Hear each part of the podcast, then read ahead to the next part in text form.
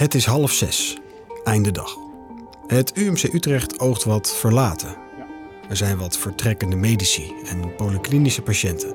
Ja, kom verder. Uh, ik ga zo uh, weer weg. We lopen een werkkamer binnen waar je nog net niet struikelt over dummies van ruggenwervels. Hier. Oh, wauw. je kunt het op zich wel Het is de kamer van professor Dr. Mojo Kruid. Ja, ik geloof dat u iets met ruggen doet, zo te zien. Ja. Wat? Ja, wel eens ja. Orthopedisch chirurg en een autoriteit op het gebied van scoliose. Hij gaat Wessel opereren. Op een manier die alleen in het UMC Utrecht kan. Ik zie hier een hele mooie rug. En ik zie ook allemaal schroeven. Is dat het... het, het, het, het... Ja, dat zijn inderdaad de schroeven die, eh, die er uh, gebruikt worden, ja. Ja, dat zijn, uh, dat zijn geen kleine Jeetje, schroefjes, dat hè? zijn echt ontzettende... Mag ik het pakken? Ja, ja. Ik heb schroeven in mijn handen die ik bij de bouwmarkt nog niet durf aan te raken. Ze zijn zo groot dat ik me gewoon niet kan voorstellen dat dit in een mens kan. Laat staan een klein mens. Wat staat Wessel allemaal te wachten? Dit is Operatie Geslaagd. Innovaties in het UMC Utrecht. Een podcast waarin we een mogelijk baanbrekende operatie gaan volgen. Van spannende voorbereiding tot de operatie zelf. Aflevering 2. Klussen in een rug. We zitten daags voor de noodzakelijke operatie van Wessel. Zo hoorden we op het einde van de vorige aflevering al. Doordat Wessel de spierziekte SMA heeft en in een rolstoel zit, is er een verkromming van zijn ruggenwervel ontstaan. En alsof dat nog niet vervelend genoeg is, beginnen zijn organen in de knel te komen door de rugverkromming. Daarom moet zijn rug recht en vastgezet worden. Dat kan wel consequenties hebben voor de zelfstandige manier van leven die hij nu nog heeft. Blijft dat zo? Dat is de vraag. Maar eerst maken we kennis met Mojo Kruid. Ik ben Mojo Kruid, sinds een jaar of tien orthopedisch chirurg hier in Utrecht. Ik ben uh, ooit uh, begonnen met mijn opleiding uh, tot chirurg, omdat ik heel leuk vind om lastige problemen eigenlijk ook praktisch op te lossen. Dat is heel anders dan de meer interne geneeskunde, waarmee je het meer met medicijnen oplost. Ik ben meer een klusser. Als je kijkt naar de chirurgie in het algemeen, dan heb je eigenlijk alles van wat we wekendelen noemen, dus huid en, en lever en longen, tot het skelet. En het skelet, dat is echt het meest klussen eigenlijk, zoals we dat van thuis ook kennen. Je kunt daarin zagen, boren, schroeven. En dat, dat vind ik zelf een hele fijne manier van werken. Zagen, boren, schroeven, klussen in een rug.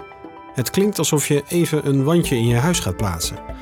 Maar het is wel degelijk een ingewikkelde operatie. Ik, uh, ik zal jou wat laten zien, daar zitten ze erin.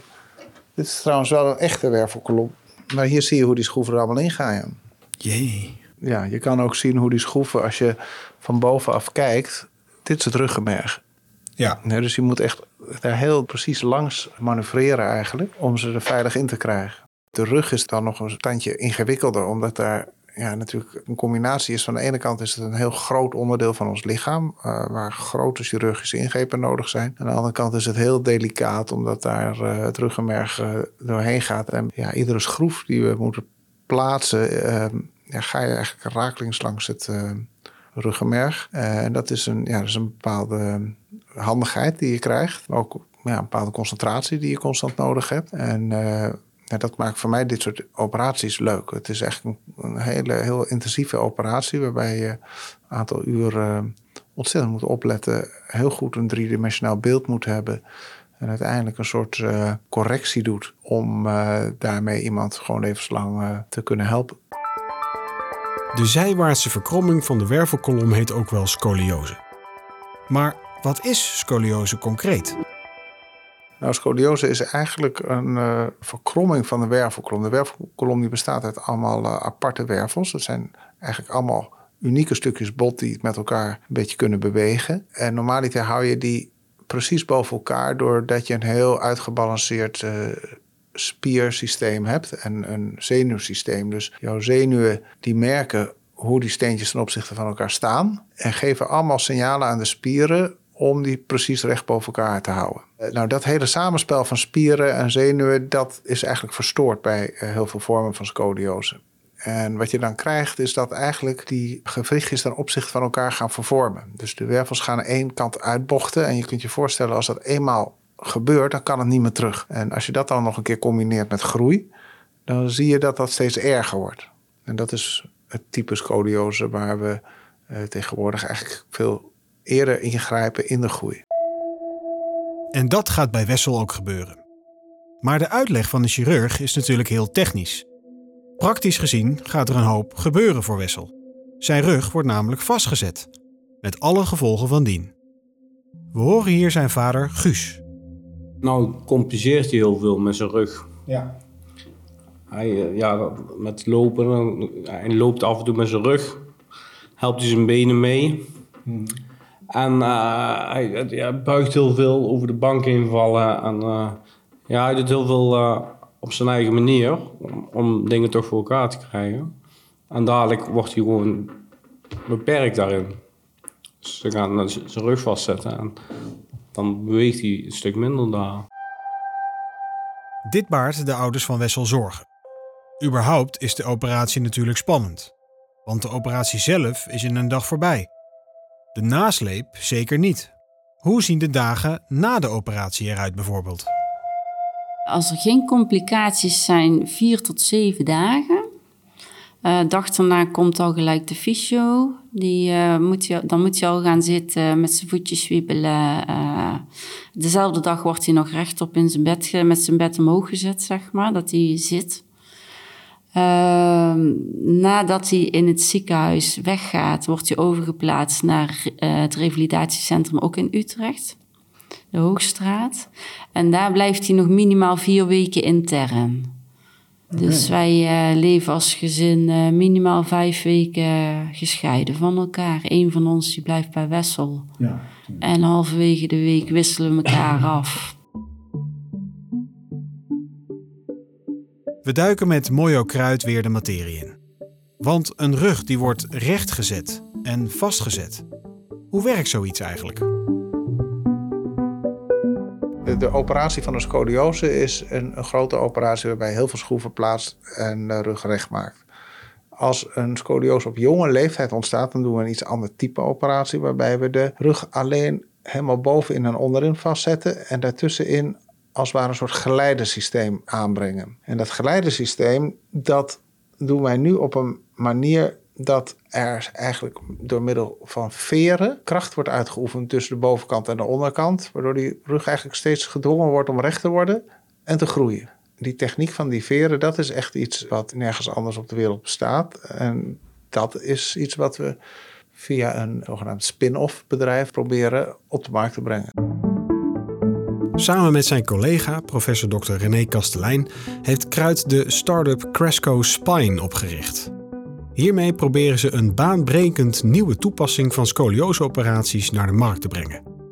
De toepassing is een veer om de staaf heen, waarmee de rug wordt vastgezet. Het Spring Distraction System. We hebben het geluk dat we hier onder hele strenge omstandigheden van een, van een klinische studie, als patiënten en hun ouders daarmee akkoord gaan, we deze techniek met die veren kunnen toepassen. Maar dat kan alleen hier en dat wordt ook heel streng in de gaten gehouden. Cresco Spine, een start-up waarmee wordt geprobeerd om deze nieuwe techniek naar de markt te brengen. Maar om een nieuwe manier om scoliose met innovatieve implantaten te behandelen ook toepasbaar te maken, moet het aan extreem veel eisen voldoen. En dat kost veel geld. Dus daar is een flinke investering voor nodig. Daar is middels een bedrijfje sneller toegang tot te krijgen. En als dat bedrijf kan laten zien dat ze professioneel bezig zijn, dan zijn investeerders sneller geneigd om in te stappen. De eerste funding is binnen. En um, ja, ik ben daar heel blij mee, want die techniek laat veel betere resultaten zien dan, alternatieven. Dus ja, ik help daar mijn patiënten enorm mee. En ik hoop echt dat we dat op een gegeven moment ook echt gewoon uh, wereldwijd kunnen toepassen. Dit is wel zeker innovatief. Maar uiteindelijk zal de tijd moeten leren of het baanbrekend is geweest of een verschil uh, gemaakt wordt. Het idee lijkt simpel, maar dat is vaak bij baanbrekende ideeën. Kom er maar eens op, daar gaat het om. En de nood was voor één meisje in 2016 erg hoog. Dat is een, dat is een, heel, een heel mooi verhaal. We zijn hier in, in 2016 hadden we een, een kindje wat een hele nare scoliose had. Niemand in de wereld kon haar helpen. En die ging eigenlijk dood als we niet iets deden. We moesten iets bedenken wat eigenlijk constante kracht gaf op haar wervelkolom om die recht te duwen. En ja, toen hebben we zitten brainstormen. Je weet hoe dat gaat. En op, een gegeven moment bedachten we, nou, als we zo dat nou benoemen, we moeten een continue kracht hebben, dan is er eigenlijk maar één ding wat dat kan doen, dat is een veer. En toen dachten we, ja, waarom doen we eigenlijk niet een veer om die staaf die we toch al gebruiken? En toen is van het ene is het andere gekomen. Dat was een heel groot succes. Dat meisje hebben we toen geopereerd. Ja, wat ik zei, die was aan de dood gaan en die, die loopt nu gewoon rond met een redelijk normale rug. En toen realiseerden we ons pas eigenlijk van hey, dit, deze techniek die kunnen we voor veel meer dingen toepassen. En die kunnen we ook gebruiken in plaats van die techniek waarbij je mensen steeds moeten openmaken. Waarbij je mensen steeds moet openmaken. Dat moeten we even uitleggen. Bij een scolioseoperatie wordt de zijwaartse verkromming van de rug met een flink percentage rechter gezet en wordt de rug vastgezet. Maar ja, kinderen groeien. Bij de oude methode was het zo dat we, als wij een rug die nog groeide recht wilde maken en recht wilde houden. Dat we die staven erin zetten en ieder half jaar die patiënt weer open moest om die staven te verlengen. Dus wat we dan deden is dan zetten de staaf boven en onder aan elkaar. Een half jaar later maakte die patiënten open, duwden de staven uit elkaar en zetten ze weer aan elkaar vast met een soort uh, connector. Een kind van vijf had dan gauw uh, tien operaties nodig voordat hij uitgegroeid was. Dus er is een innovatief systeem dat faalgevoelig is. En dan nog het oude systeem waarbij veel operaties nodig zijn. In 2014 had men al een innovatieve manier gevonden om scoliose te behandelen met een meegroeisysteem waarbij met een magneet de pennen iedere keer werden verschoven.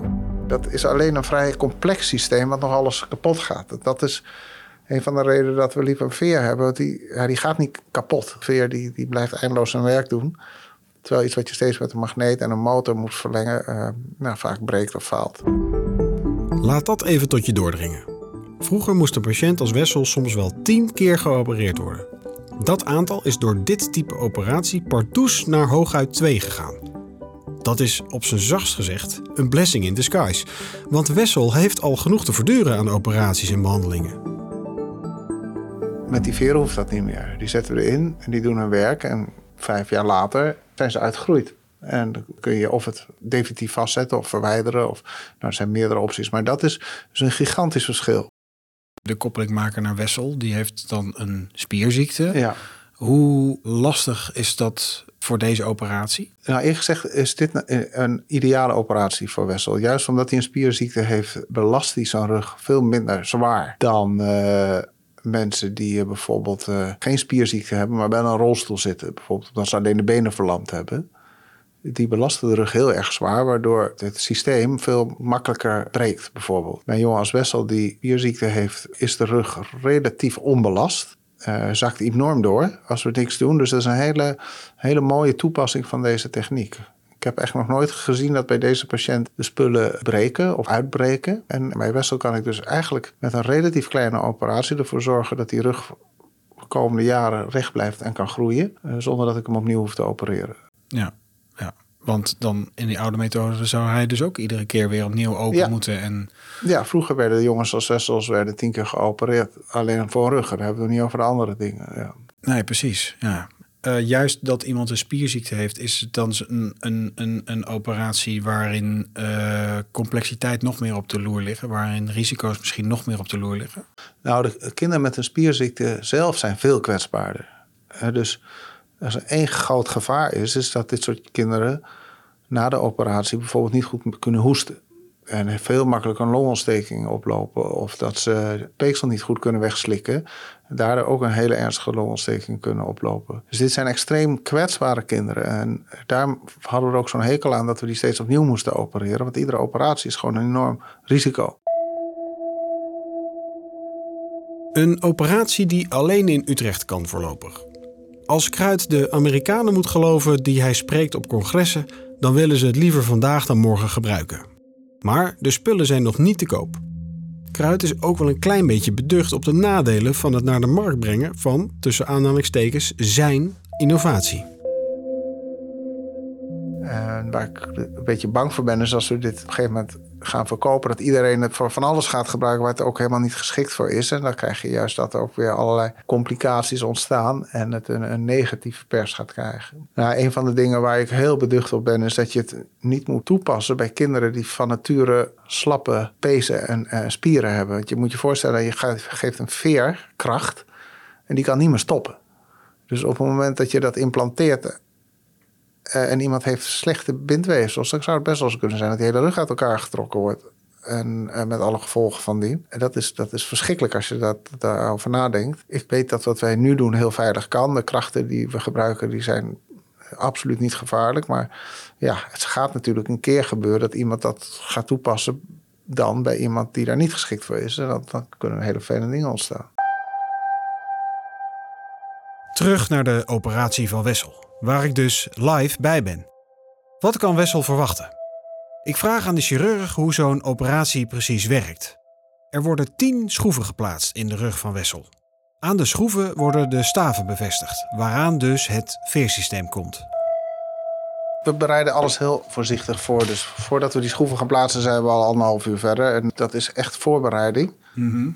En die schroeven zelf plaatsen, dat doen we eigenlijk op een hele veilige manier. Waarbij we met een soort stokje eigenlijk onze weg zoeken. En dat stokje, dat zit in het bot. En kan je niet zomaar uit het bot drukken, omdat de buitenkant van het bot is heel hard. Dus we maken dus eigenlijk gebruik van het feit dat het bot aan de binnenkant zacht is, aan de buitenkant hard. En als we eenmaal binnen het bot zitten, kunnen we heel makkelijk binnen het bot blijven. Dat is eigenlijk de truc. En dat noemen we ook een wiebelaar. Dat is een apparaatje wat van, eigenlijk van achter naar voren door de wervel wordt geduwd.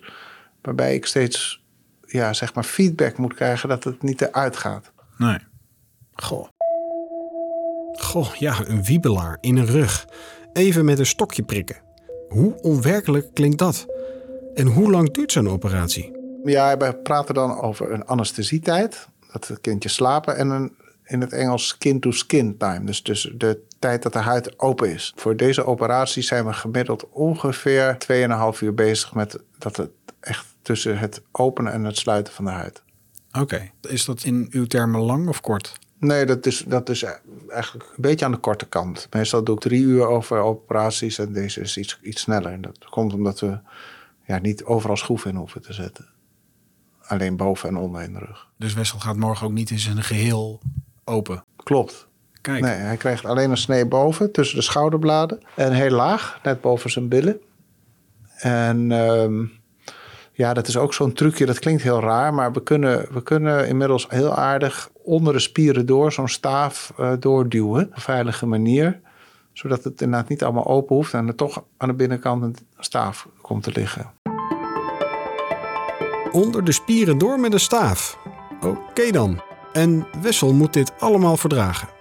Na de operatie moet hij direct beginnen met revalideren. Hij mag, juist vanwege zijn spierziekte, niet nog verder verslappen. De chirurg legt uit.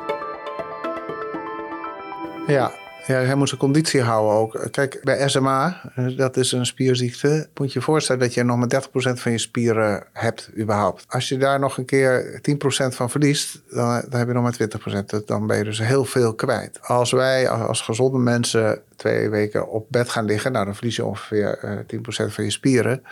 Maar dan heb je nog meer dan genoeg om daarna weer naar de wc te gaan of, of gewoon op te krabbelen en, en te herstellen. Bij kinderen met een spierziekte betekent dat het verschil tussen gewoon rechtop kunnen zitten en meedoen en naar school kunnen en eigenlijk invalide zijn. In zo'n die mate dat je ook niet meer naar, naar buiten kan en eigenlijk geen contact meer hebt met de wereld. En dat, dat is voor die kinderen natuurlijk ontzettend belangrijk dat dat wel zo is. Dus we zijn ons ervan heel erg van bewust dat als we zo'n operatie doen, we iemand zo snel mogelijk weer in een actieve stand hebben. Want het is heel verleidelijk om wanneer je pijn hebt en je moe bent, om op bed te gaan liggen. Dat is een hele normale reactie. En als je zeg maar, daar niet dus een beetje tegen ingaat als behandelaars, ja, dan, dan weet je zeker dat die het prima vinden om een week een beetje Netflix te kijken. Maar dan wordt het veel moeilijker om ze daarna weer te activeren. Zeker kinderen met spierziekte. Maar wat maakt een werkdag dan uiteindelijk geslaagd? Kijk, ik, ik ga daarin met een bepaald doel. Het doel is heel tastbaar naar een bepaalde mate van correctie. Maar ook, er zit ook zoiets in, en dat, dat ken je ook wel van als je zelf klust, dat je een bepaald gemak wil ervaren waarmee dat gedaan wordt. Je wil, je wil eigenlijk jezelf steeds een beetje overstijgen. Dus soms heb je van die dagen en denk je, nou, vandaag was ik aan het klooien. En iedere keer hoop je dat dat op die dag dus niet zo is. En dat je na afloop denkt van, ja, dat heb ik goed gedaan. Dus, dus, dus er zit wel een zekere prestatie in, maar dat is vooral naar jezelf toe. Je, je, je, wil gewoon je wil het gevoel hebben dat je het goed hebt gedaan, dat je, dat je, dat je misschien nog iets beter hebt gedaan dan de keer ervoor. Zo, zo banaal is het eigenlijk. En, en eh, ik denk dat de meeste, meeste klussers op die manier erin staan. Je, je bent gewoon eigenlijk je bent jezelf steeds een beetje aan het verbeteren. En in het geval van Wessel, wat maakt het morgen straks een geslaagde dag? In de eerste plaats als ik het gevoel heb dat we echt met groot gemak de resultaten behaald hebben zoals ik die wil. Namelijk ongeveer een halvering van de bocht en een operatie die we binnen drie uur af hebben zonder meer dan een halve liter bloedverlies. Dat zijn zo wat getallen die belangrijk zijn. Nou, daarbij vind ik het ook super belangrijk dat we een goede sfeer hebben op de operatiekamer. Dat uh, iedereen uh, het gevoel heeft dat we een prestatie hebben neergezet. Ja, en dan, dan natuurlijk uh, Wessel zelf. Ik hoop dat hij al wakker kan worden morgen. Dat we hem even in de ogen kunnen kijken. Dat hij ouders kan vertellen: joh, het is allemaal goed gegaan. je kan nu weer doorademen. Dat zijn ook van die momenten die het een hele geslaagde dag maken. De getallen, de materialen in combinatie met de wetenschap dat ik er live bij ga zijn, zorgen ervoor dat ik het even op me in moet laten werken. Wat ga ik aantreffen? Volgens Kruid is het verstandig dat ik alvast even op de operatiekamer ga kijken, voor de operatie. Want het kan nogal indrukwekkend zijn als je er niet mee bekend bent. Daarom ga ik nog even een kijkje nemen op de OK. Samen met de OK-assistent die tijdens de operatie van Wessel aanwezig zal zijn. Demi van Vliet operatie ga je morgen zien is best wel uitgebreid. We hebben veel nodig. Het zijn veel stappen. Die schroevendraaier moeten we daar. Die schroevendraaier moeten we daar. Dat moet erin. Oh, het staat niet goed. We gaan weer even opnieuw. Het is echt wel nou, grote operatie waar je bij staat. Vandaar dat je er nu ook al even bent, kunnen we je al een beetje voorbereiden. Ja, heel goed. Ja, heel goed. Heel goed. Nou, ik ben, ik ben, ik ben gerustgesteld. Maar... Dit was aflevering 2 van Operatie Geslaagd. Een podcast van het UMC Utrecht. Vond je de podcast leuk? Abonneer je dan op deze serie. Of geef ons een like. Lijkt jou de baan van Demi interessant? Kijk dan op werkenbijumcutrecht.nl slash OK. Of misschien zijn er nog andere interessante medische functies voor jou te vinden.